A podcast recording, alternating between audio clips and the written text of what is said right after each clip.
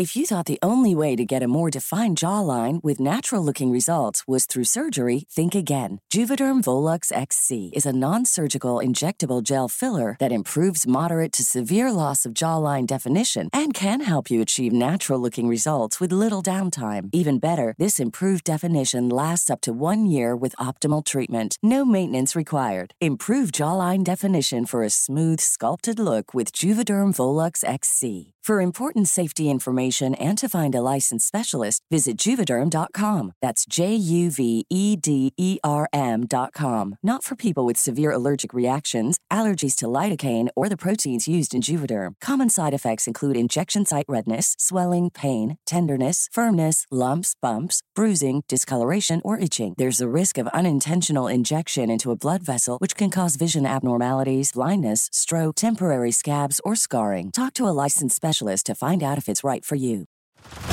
Head over to Hulu this March, where our new shows and movies will keep you streaming all month long. Catch the award winning movie Poor Things, starring Emma Stone, Mark Ruffalo, and Willem Dafoe. Check out the new documentary, Freaknik The Wildest Party Never Told, about the iconic Atlanta Street Party. And don't miss FX's Shogun, a reimagining of the epic tale, starring Anna Sawai. So, what are you waiting for? Go stream something new on Hulu. Ryan Reynolds here from Mint Mobile. With the price of just about everything going up during inflation, we thought we'd bring our prices down. So to help us, we brought in a reverse auctioneer, which is apparently a thing. Mint Mobile unlimited premium wireless. Ready to get 30, 30, bit to get 30, bit to get 20, 20, 20, bit to get 20, 20, bit to get 15, 15, 15, 15 just 15 bucks a month. So, Give it a try at mintmobile.com slash switch. $45 upfront for three months plus taxes and fees. Promo rate for new customers for limited time. Unlimited more than 40 gigabytes per month. Slows. Full terms at mintmobile.com. Helt siden de første menneskene slo seg ned i Trøndelag, har det blitt observert underlige lys over Hessdalen. Fenomenet har blitt forsøkt bortforklart som syner sett av bygdetullinger og deliriske hallusinasjoner forårsaket av den lokale drikkekulturen. Men det skulle vise seg at fenomenet stakk langt dypere, når Hessdalen-fenomenet fikk verdensomspennende oppmerksomhet i ufo-miljøet på 1980-tallet. Fenomenet er fremdeles der, og det er fremdeles like uforklarlig som den gang.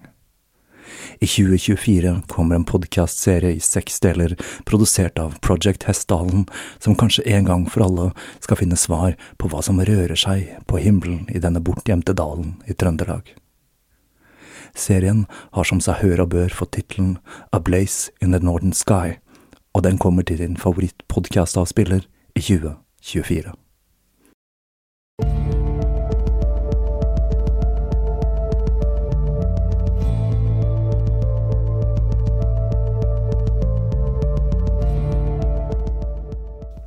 Hei og velkommen til Tåkeprat. Jeg heter Even, og når jeg tar opp introduksjonen til denne episode 149, så er det torsdag den 17. desember 2020. Ordo Templi Orientis, eller OTO, har dukket opp i ulike sammenhenger her i Tåkeprat. Jeg har lenge syslet med tanken om å slå av en prat med et medlem i en podkast-episode, men dette er en av de planene jeg har hatt på lista i lang tid, som jeg aldri har fått satt i gang med.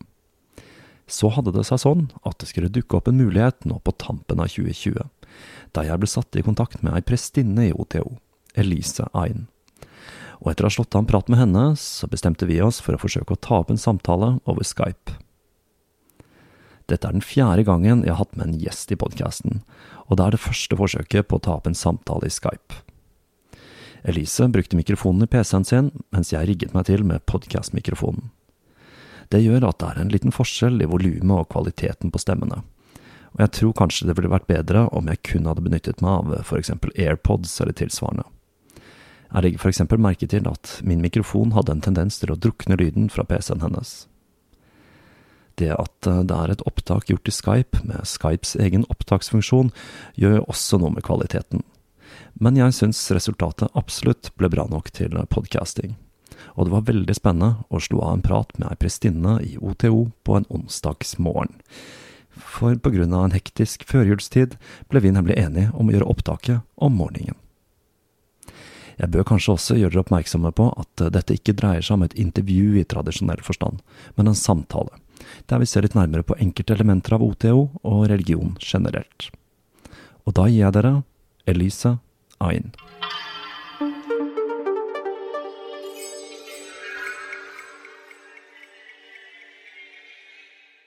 Så Vi har tenkt på så lenge skjønner du, også snakke med OTO, mens så jeg aldri klart å surre meg til det. Uh, så det passet veldig bra akkurat nå. For nå jeg glemmer hvert år at siste perioden før uh, jul på barneskole, det er, uh, det er litt hektisk, det.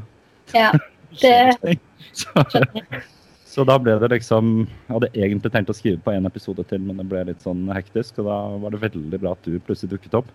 Ja, det er bra at du, du klarer å gjøre den jobben ved siden av eh, lærerjobb. Ja, det er Ja, jeg er litt imponert over det selv. Ja. det blir mye, men det går, da. Så er det jo gøy også, da, ikke sant. Så, så sånn er nå det. Jeg tenker, Hva er liksom din rolle oppi OTO? Eller hvor kommer du inn i bildet i OTO? Hva kan du si om det? Ja, jeg har eh, Jeg fikk Minerval i 2014. Da kom jeg inn som Ja. Ja, jeg, jeg kan, eh, jeg kan eh, ta det etter hvert. Men ja, jeg har vært medlem i O2O siden 2014. Uh, og så har jeg uh, For tre år siden så begynte jeg å jobbe som noviseprestinne. Dvs. Si at jeg nå er fungerende prestinne, initiert prestinne, i uh, OTO. Um, så jeg har da Jeg ble initiert prestinne i 2000 Nei, jeg ble initiert prestinne nå i mars i år. Rett før koronalockdown. Ja, ikke sant. Det var uh, jeg holdt på å si, i rett tid, da. Jeg vet ikke hvor mye aktivitet dere har nå, jeg. Ja, men, Nei, nå har det ikke vært så særlig aktivitet, faktisk. Nettopp pga. korona. Men, men vi kommer vel sterkere tilbake neste år. Ja, vi får håpe det. Vi får se hvor lenge det her varer, da. Nå kjenner jeg at jeg savner det, nemlig. Mm. Ja. Det er, det er ikke så mye sosial aktivitet om dagen. Så OK.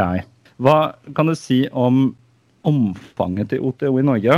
For jeg, jeg, kan jo si at jeg har inntrykk av at det er en av de mest åpne losjene av dem alle.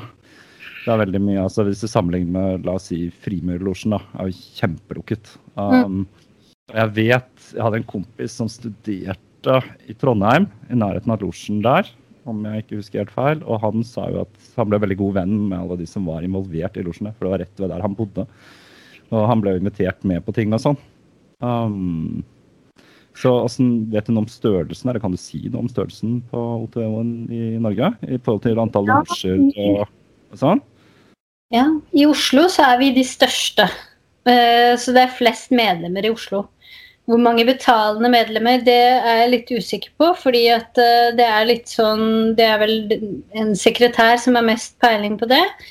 Men eh, kan anslå at vi kanskje er 40 eller 50, da. Så jeg, det er litt usikker med, med tall, men, men det er færre som er med og aktiv. Eh, så det er noen som er medlem, som er bare betalende medlemmer, og så er det flere aktive, da. Ja, og da, jeg tenker på losjer, det Har ikke den oppe i nord også? Jo. Vi har en i Tromsø som er akkurat nå nyinnvidd, som ble ble tilskapt i år, i 2020. Eh, og så har vi en i eh, Trondheim. Og så har vi en i Mo i Rana. Det er en liten en, da. Det er bare tre medlemmer i Mo i Rana og to i Tromsø. Eh, og så er det eh, i Stavanger og Bergen. Og det er, Ja. de, det er de to som også er eh, størst i Altså etter Oslo. Ja, ikke sant. Er, Bergen er liksom Norges okkulte hovedstad. Det er, min, det er mitt inntrykk, da. Ved siden av Oslo, kanskje. Så, hva, men hva er det du føler du får ut av, av det å være med i OTO? Den praksisen til OTO, personlig? Ja. Jeg kom jo inn Jeg har meditert gjennom Akem. Akem er en norsk eh, eh, veldig eh, sånn clean meditasjonsgruppe som eh, hvor du har tatt bort alt av religion og tro og den slags ting. Så du sitter igjen med teknikken. Eh, og det er, Akim er jo en avart av eh, transcendental meditasjon. Så du mediterer med, med et uh, mantra. Og så hadde jeg jo gjort det i sånn fire år, kanskje. Og da sitter du bare aleine. Og mitt, uh, mitt, forhold til spiritualitet var det at det skulle jeg finne på egen hånd, da. Jeg har jo også gjort yoga. Og da har det vært veldig Jeg var på et yogakurs eh, på samme tid som jeg ble medlem i Akem. Og gjort yoga på egen hånd også. Så for, for, meg så var det veldig sånn Dette gjør jeg personlig, det er min egen personlige reise. Så jeg møtte folk Jeg bodde i Trondheim, så møtte jeg folk eh, i OTO. Og de, det virka som et veldig hyggelig eh, selskap av folk. Men eh, jeg, var, jeg, var, litt usikker på om det var noe for meg, rett og slett. Eh, fordi jeg var også på gjest i Trondheim, sånn som du. Eh, nei, så som din venn, var det det det var? Ja, ja, ja, Stemmer. Ja, jeg var gjest i Trondheim eh, på eh, Husker ikke hva slags rituale det var. Men jeg fikk et inntrykk av at dette er et kirkesamfunn. Her, er det, her har alle sine deler. Noen må ordne middagen etterpå. Noen må ordne kaffen. Eh, noen rigger i tempelet. Eh, og den slags type ting fikk meg litt tilbake til, til uh, kristen For jeg har vært i, um, vært i TenSing. Så da jeg var tenårene, så var jeg i TenSing. så jeg fikk litt sånn assosiasjon til det. Så tenkte jeg jeg har ikke lyst til å være med i, i et sånt fellesskap. Men etter hvert så det, hadde jeg noen samtaler, veldig gode samtaler med noen som var medlem som sa det at eh, det var en inspirasjon til å skape kunst. Eh, han ga meg en bok som handla om det med poesi. Eh, og kultpoesi. Og så ble jeg også Ja, så ble jeg også begynte jeg å oppfatte det litt som et system som, som egentlig bare hjelper deg til å finne innover. Da. Mm. Da ble jeg interessert. Ja. ja. Kan, kan, du si noe om den prosessen som er i OTO-systemet for hvordan skal jeg forklare dette her, da? For, for, deg som person, da, hvilken prosess Du blir tatt igjennom grader, da, ikke sant? Mm. Og så er det en indre prosess, går jeg da ut ifra oppi dette her. Uh, kan du si noe om det, eller blir det Vanskelig. Nei, jeg kan, si, jeg kan si noe om det. Ja. Eh, fordi eh, gradssystemet er jo bygd sånn Det er jo et initiatorisk system, eh, OTO. Eh, det vil si at du eh, blir tatt gjennom grader og får en initiering eller en eh, innsikter da, gjennom disse gradene. Og det er egentlig det OTO er bygd på. Mm. Um, og da har man minervalgraden, som er en gjestegrad. Da kan du komme og gå som du vil på O2O sine arrangementer. Men uh, du kan ikke komme på de tingene som, uh, som gjelder de som høyere, har høyere grader enn deg. Men ellers alt. Uh, og så får du en Så er det første til tredje grad, som blir kalt Man of Earth. Og den handler egentlig om fødsel, liv og død. Um, og så er det fjerde jeg, jeg, har to grader over fjerde, som er PI og KEV. Uh, og det er egentlig to tilleggsgrader til, eller over fjerde, liksom mellomgrad mellom fjerde og femte. Mm. som KEV innbefatter at jeg kan jobbe som prestinne. Så etter det, etter å ha tatt KEV, så kan man bli initiert prestinne. Mm. Um, og de gradene er litt mer sånn Det handler litt mer om hvordan uh, verden henger sammen, kanskje. Det er vanskelig å, å kanskje Ja, det var derfor jeg sa det. Ja, jeg regner med det. litt vanskelig å komme med liksom kulepunktene ja. på det. Det er vel litt av greia også. Så hvis, uh, hvis, det er noen som er interessert i OTO, hvordan det var den enkleste måten å tilnærme seg den på? Kanskje ikke akkurat nå, det er litt dårlig tid, men når mm. pandemien letter litt. Hva... Ja, nei, Den enkleste måten vil jo egentlig være Man kan få en minervalgrad. Da, kan man være, da er man gjest I, Mm, Hvordan gjør man det?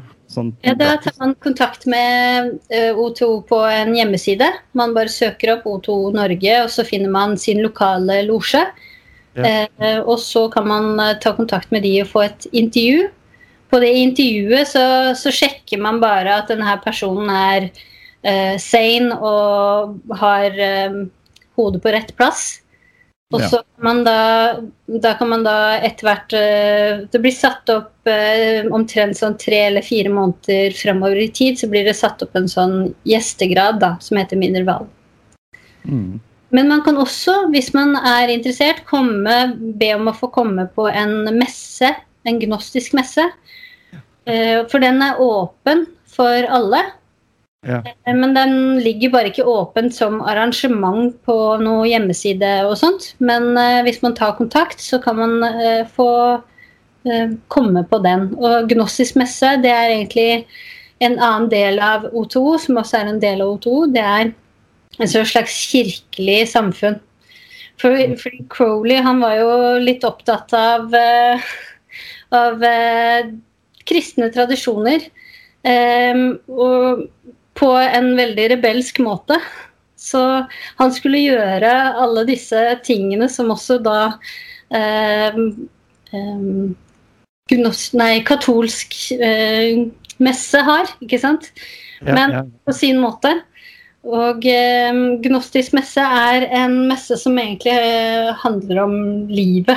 Eh, skapelsen av livet. Bortsett fra gradene så er Gnostisk messe kanskje det viktigste ritualet som OTO gjennomfører.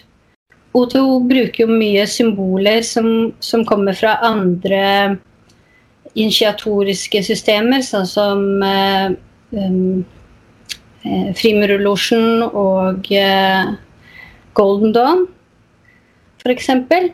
Eh, og mye av de symbolene er tatt inn i messe, og tatt inn i grader for øvrig.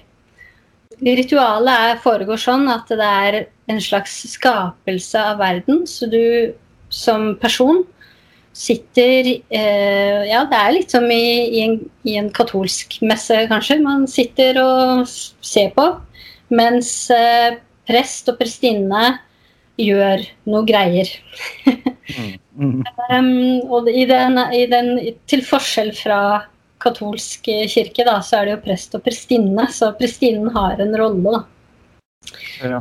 Uh, og hun kommer inn, skaper på en måte verden Uh, gjennom sin tilstedeværelse, sin, uh, det hun, hun bringer til bordet, som er en, eh, en, eh, et brød. Et, eh, det? Hun kommer med, med brød og vin. Og så vekker hun eh, presten til live. Eh, og så sier presten 'jeg skal sette deg på et alter'. Og det er jo litt sånn for mange kanskje litt sånn eh, vanskelig det der med å sette Det er veldig sånn kristen eh, Omvendt kristent, kan man kalle det det? Ja. Av å sette en naken, naken kvinne på et alter. ja, ja. Ja. Men, eh, men Crowley var jo veldig rebelsk kristen, for han så var det et sånn status Eller det var et symbol for frihet, da. Eh, fordi at eh, Ja, så hun blir jo satt på et alter, og etter hvert så eh, kler hun seg naken, og det er liksom det som er på en måte det som er synlig for alle. Eh, men i den Nå er, fungerer jo jeg som prestinne. Eh, og det er veldig mange som, som tenker at eh, ja, men det er jo litt gammeldags mannlig tenkning å sette en kvinne på, en naken på et alter.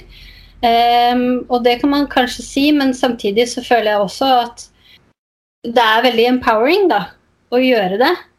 Eh, og eh, ikke minst den, den funksjonen som prestinen har, er å blande seg selv eh, ja, blande seg selv med det høyeste Nuit, da, som er en eh, gudinne for det høyeste.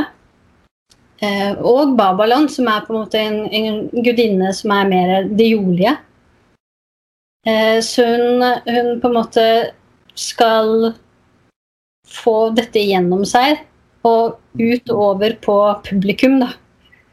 sånn at publikum kan eh, nå sitt fulleste potensial. Så det er ment til å eh, inspirere eh, alle de tilstedeværende med sitt fulleste potensial. og så I tillegg så veiver presten veldig mye over denne kalken og dette bruet og gjør det veldig, veldig hellig. sånn at de som er til stede, de kan komme opp og ta del i den hellige kroppen, da, som Det er akkurat som i kristen messe. Så hva heter det Man eh, tar Nattverd. Nattverd, ja. Takk. Det er med til å liksom gi dem en, en, den inspirasjonen da, til å ta det høyeste i seg selv videre. Mm. Mm. Den symbolikken med, med, en kvinne på alter og sånn, jeg får tenke med en gang altså skaperkraft, jeg, da. Morgudinnen. Mm. At det er det man symboliserer. Uh, og det er jo altså Head over to Hulu this March, where our new shows and movies will keep you streaming all month long.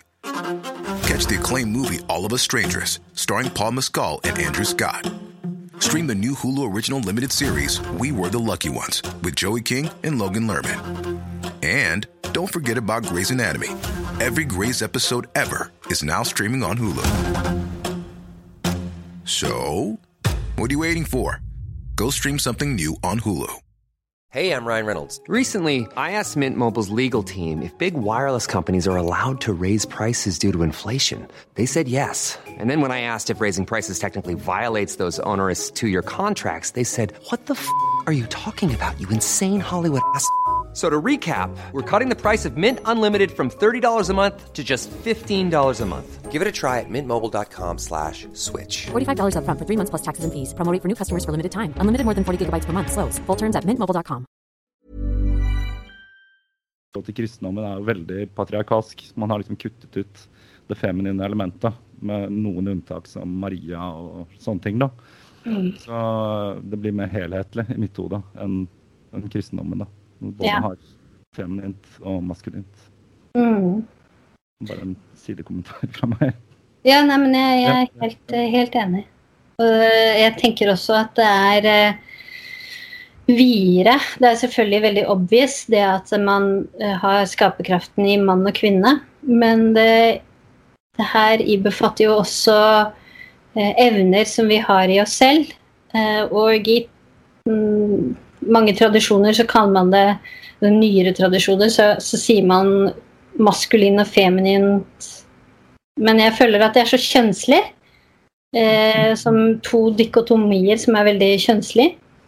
Mens eh, hvis man kan eh, tenke på det som to motsetninger som blandes i én person, men også sånn i det fysiske, da, så er det på en måte eh, en videre tolkning, da. Ja, jeg har hørt akkurat det samme argumentet før. Folk som ikke liker den dualiteten, da. Med mm. kvinne-mann. Heller foretrekker, sånn som du sier, en slags blanding, eller litt andre betegnelser. Ja. Uh, det er mange av disse gamle rituelle tradisjonene som er veldig Nemlig kvinne-mann, da. Så mm. jeg vet ikke nå, nå begynner jeg, Men har det, hvordan er utviklingen til OTO? Er dere veldig håper si, konservative i forhold til liturgien, eller er det en mer levende greie? Ehm, det er veldig det, er veld, det, står jo at det skal fremføres akkurat sånn på denne måten. Så det er litt sånn konservativt. Men det er også stemmer innenfor OTO eh, og, som har skapt andre typer ritualer, som skal prøve å gjenspeile det samme som messen, men bare med andre symboler. Og da er liksom kvinner mer delaktige, fordi i messen så er det jo eh, Kvinnen kan ses på som en veldig passiv rolle, men jeg vil tenke egentlig så er, er ikke den rollen veldig passiv. Ikke så passiv som den har kritikk for å være. Fordi hun kommer jo inn, hun er den første som kommer inn og skaper universet.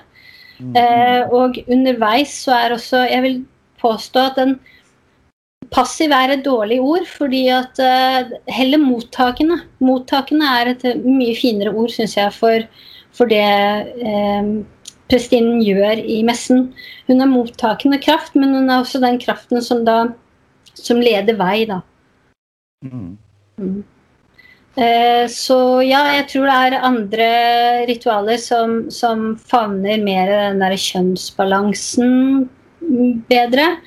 Eh, men, men messen som Messen er bare sånn skal den være. Ja, skjønner. Det er jo veldig mange guder eh, i O2O som er litt sånn eh, vanskelige å ta. Men eh, Nuit er jo en gudinne som er som står for det høyeste.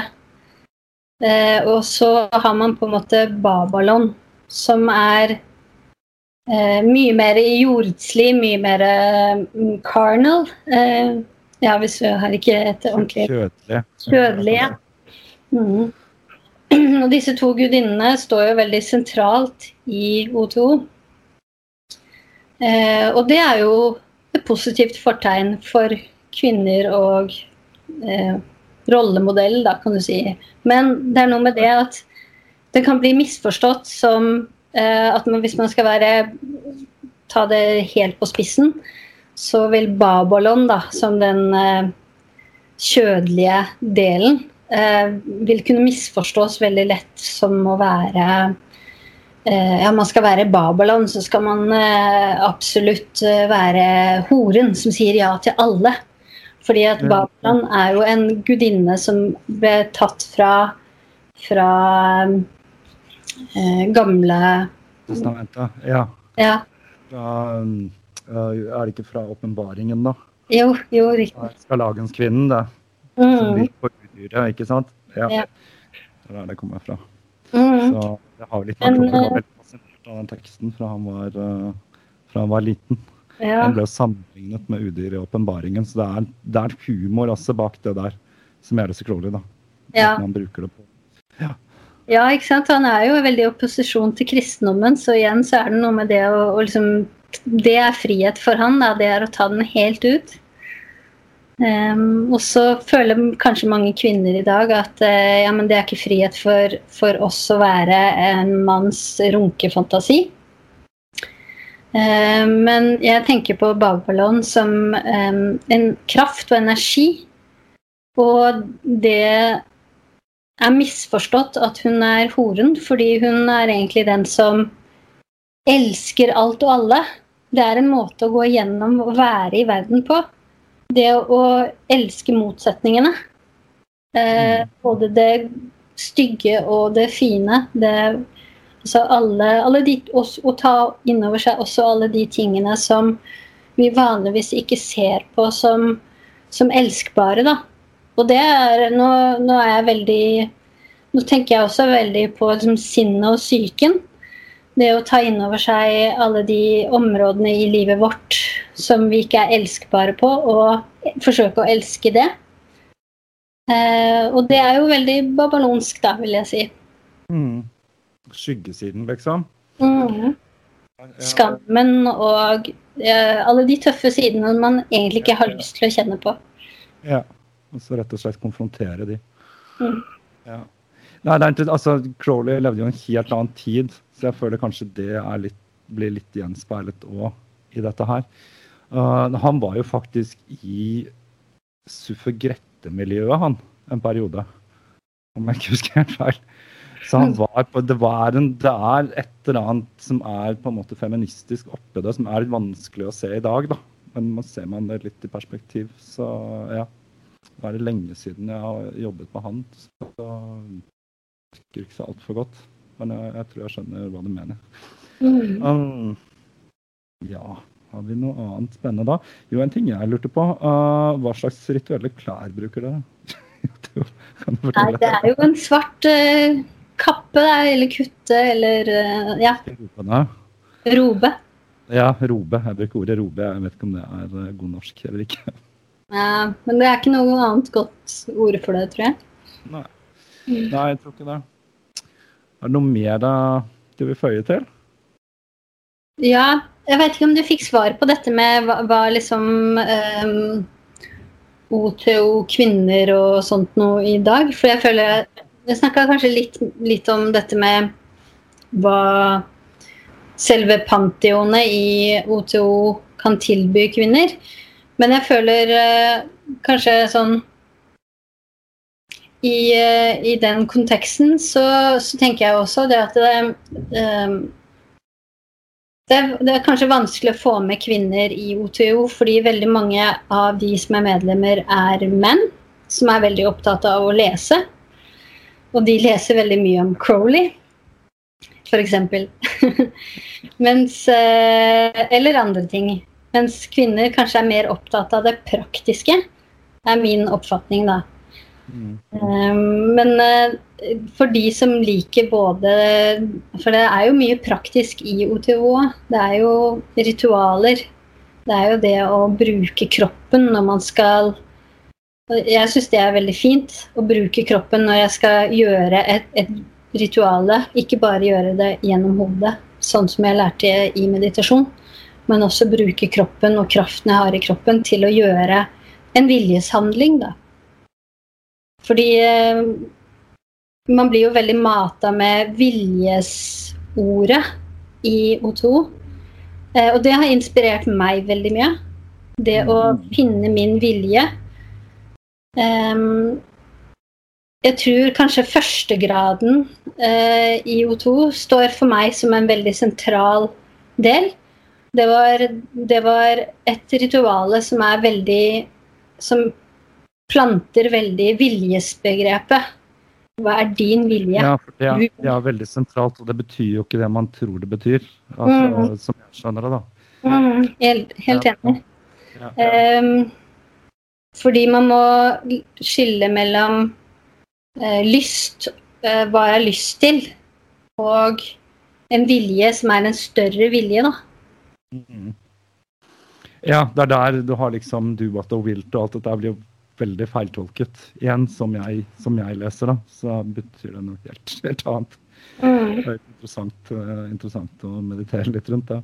Og Men, en av de eldste biskopene og prestinnene i uh, Norge, hun sa det at hun skulle ønske at det ble at det var fortolket som 'gjør din vilje', ikke 'gjør hva du vil'. Nei.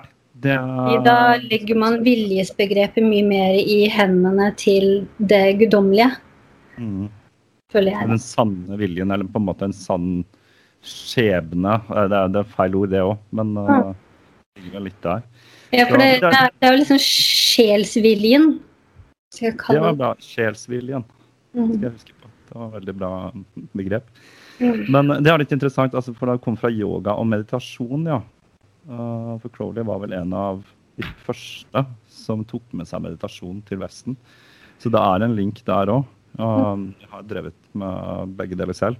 Jeg mm. ser, jeg ser linken der, da, også til det med ritualer. Og vi er jo, I vår del av verden så har vi kommet litt ut av dette her med det rituelle. Altså vår kirke, den norske statskirken, er kanskje det minst spirituelle jeg vet om. Jeg har sittet og tenkt på det nå i jula, og jeg syns det, det, er så kjedelig. Mm. Da er den katolske kirken for eksempel, eller den ortodokse kirken mye mer spennende. Um, jeg føler jo kanskje at bevegelser sånn som OTO da, uh, revitaliserer litt av det gamle rituelle og det, det spirituelle rundt, rundt, den religiøse opplevelsen, som, er, uh, som, vi kanskje har mistet litt i vår del av verden. Jeg er helt uh, enig. Det å gjøre et rituale som kan være personlig Man lærer jo også det. Hva, hva kan jeg gjøre Eh, for, fordi jeg har lyst til å gjøre dette med livet mitt fremover. Jeg har lyst til å endre meg på den og den måten. Og så man, kan man lage sitt eget ritual rundt det. Eh, og da belyser man jo hva man har lyst til. Hva er det som driver meg? Og så er det mye lettere da å få det til, tror jeg. Hvis man gjør en greie rundt det. Bevisstgjøre seg da, ikke sant? Ja. Ikke bare i tanken, men også i kroppen. Ja, absolutt. Helt enig. Så jeg kan jo si, jeg bor jeg sitter, ser ut av vinduet her, så ser jeg på et hindutempel. Og Norges største hindutempel. Mm. Og jeg var med på en seremoni uh, der, ja. Bare spurte om jeg kunne være med. Det er, det er en motsetningen mellom den norske kirken, og det, det var kjempekult, rett og slett. Ja. Så ja, ja. Hvordan var yes. det? Nei, det var veldig livatt. det var De hadde fått inn en Jeg vet ikke om man kaller det prest, ja, men la oss kalle det prest. Så fra India, da, som var veldig kjent, så kom folk fra hele Norge. Det var flere hundre mennesker. Og med barn og voksne og alt. Og jeg forsto jo ikke noe som helst av hva som foregikk, men det var, det var, veldig gøy, da. Mye musikk og veldig Veldig livatt, vil jeg si. Veldig ja. motsatt av liksom det vi har her. Med liksom pietistisk, kjedelig ja, ja, ja. ja, det er jo O2 er jo også helt omvendt av det. Ja, ikke sant. Det er, det er, litt av det som er greia. Så jeg finner meg litt tilbake igjen til det som det opprinnelige religiøse, på en måte. da. Enten det er mm. eller er, Jeg har vært med på mange forskjellige arrangementer her som er mye mer spirituelle enn hva man finner i, i norske statskirken. Altså. Det må jeg si. Ja, og jeg liker veldig godt eh, det at uh, i OTO så har du mange mennesker som har uh, kunstneriske interesser og som liker å være eh, kunstneriske når man setter opp et rituale. Eh, som er opptatt av eh, det vakre i det. Og det var egentlig noe av det som forførte meg også veldig raskt med O2. Det er veldig vakkert, det er veldig poetisk. Det er også tekstene til Crowley er veldig vakre. Ja, absolutt. Så jeg har også sett på det som altså, kunst, da bare for å bruke et vidt begrep, som en form for okay, kan, Noe som kan brukes som en form for spiritualitet og kombineres med religion, enten det er skriving eller musikk eller ja, hva nå enn det skal være. At det kan være en drivkraft i livet, hvis man bruker det bevisst. Podcasting, f.eks. ja, det, er min, det, er min, det var min motivasjon da jeg gikk inn. Og det er fremdeles en av mine større motivasjoner. Det å bringe med meg inspirasjon inn i kunsten, og fra kunsten og inn i ritualet. Ja, ikke sant. Så, for da er vi litt tilbake igjen på den inngangsportalen som er ikke bare menn som liker å lese mye, men det er også et annet aspekt der. Mm. Altså Vi har dette med å videreutvikle f.eks. yoga, meditasjonspraksis, også som vi snakker om da, kunst. Altså det å kunne uttrykke seg på en annen måte, som vi kanskje mange mangler da, i dag. Ja, og så tror jeg også mange i yoga-type miljø så kanskje man mangler den strukturen. Så jeg tror at det er veldig fint for mange å ha en struktur på f.eks. Eh, opplæring. Eh, på hva skal man lære neste for å få et skritt videre inn i min eh, åndelige vei. da. Og da er det veldig fint å ha et miljø rundt seg Eh, og en struktur som det initiatoriske systemet er. Mm. Hva, kan jeg spørre hva slags yoga du praktiserte, eller praktiserer? Hatta-yoga uh, er mest ja. ja. Det er et sånn begrep. Er, ja. ja Men uh, nå har jeg jo selv tatt en utdannelse innen Yoga Works. Da blander man yengar og vinyasa-yoga og litt ashtanga-yoga. Ja. Så det er på en måte det jeg lærer ut. Det er en blanding mellom de tre. Ja, riktig. Kjempeflott. Nei, men um, jeg er veldig glad for at du kunne stille opp.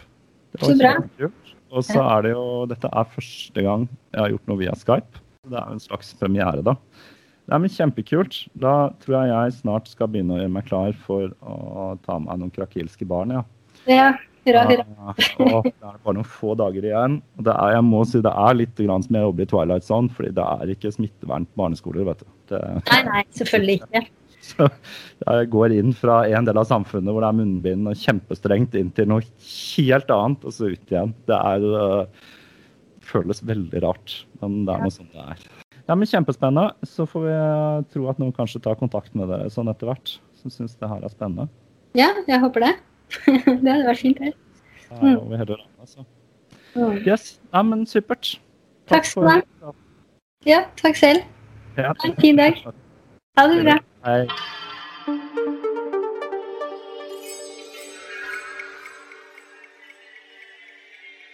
Og det var slutten på den første Skype-samtalen her i Tåkeprat.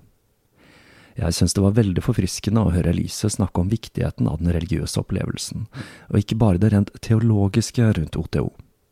Som jeg påpeker i samtalen, så syns jeg den norske statskirken er utrolig kjedelig, og jeg føler at den religiøse opplevelsen er noe man finner i andre kirkesamfunn, trosfellesskap og også i kunst. Og med det gjenstår det kun én episode av Tåkepratet 2020, og det er Juleprat 4. Jeg er nesten ferdig med arbeidet med denne, og jeg kommer til å slippe denne kavalkadeepisoden hvor jeg kaster et tilbakeblikk på dette pestens år 2020 en av de siste dagene før jul. Så da er det altså ikke så lenge til det dukker opp en ny episode med Tåkeprat. I mellomtiden kan dere jo tenke litt over begrepet sjelevilje. På gjenhør.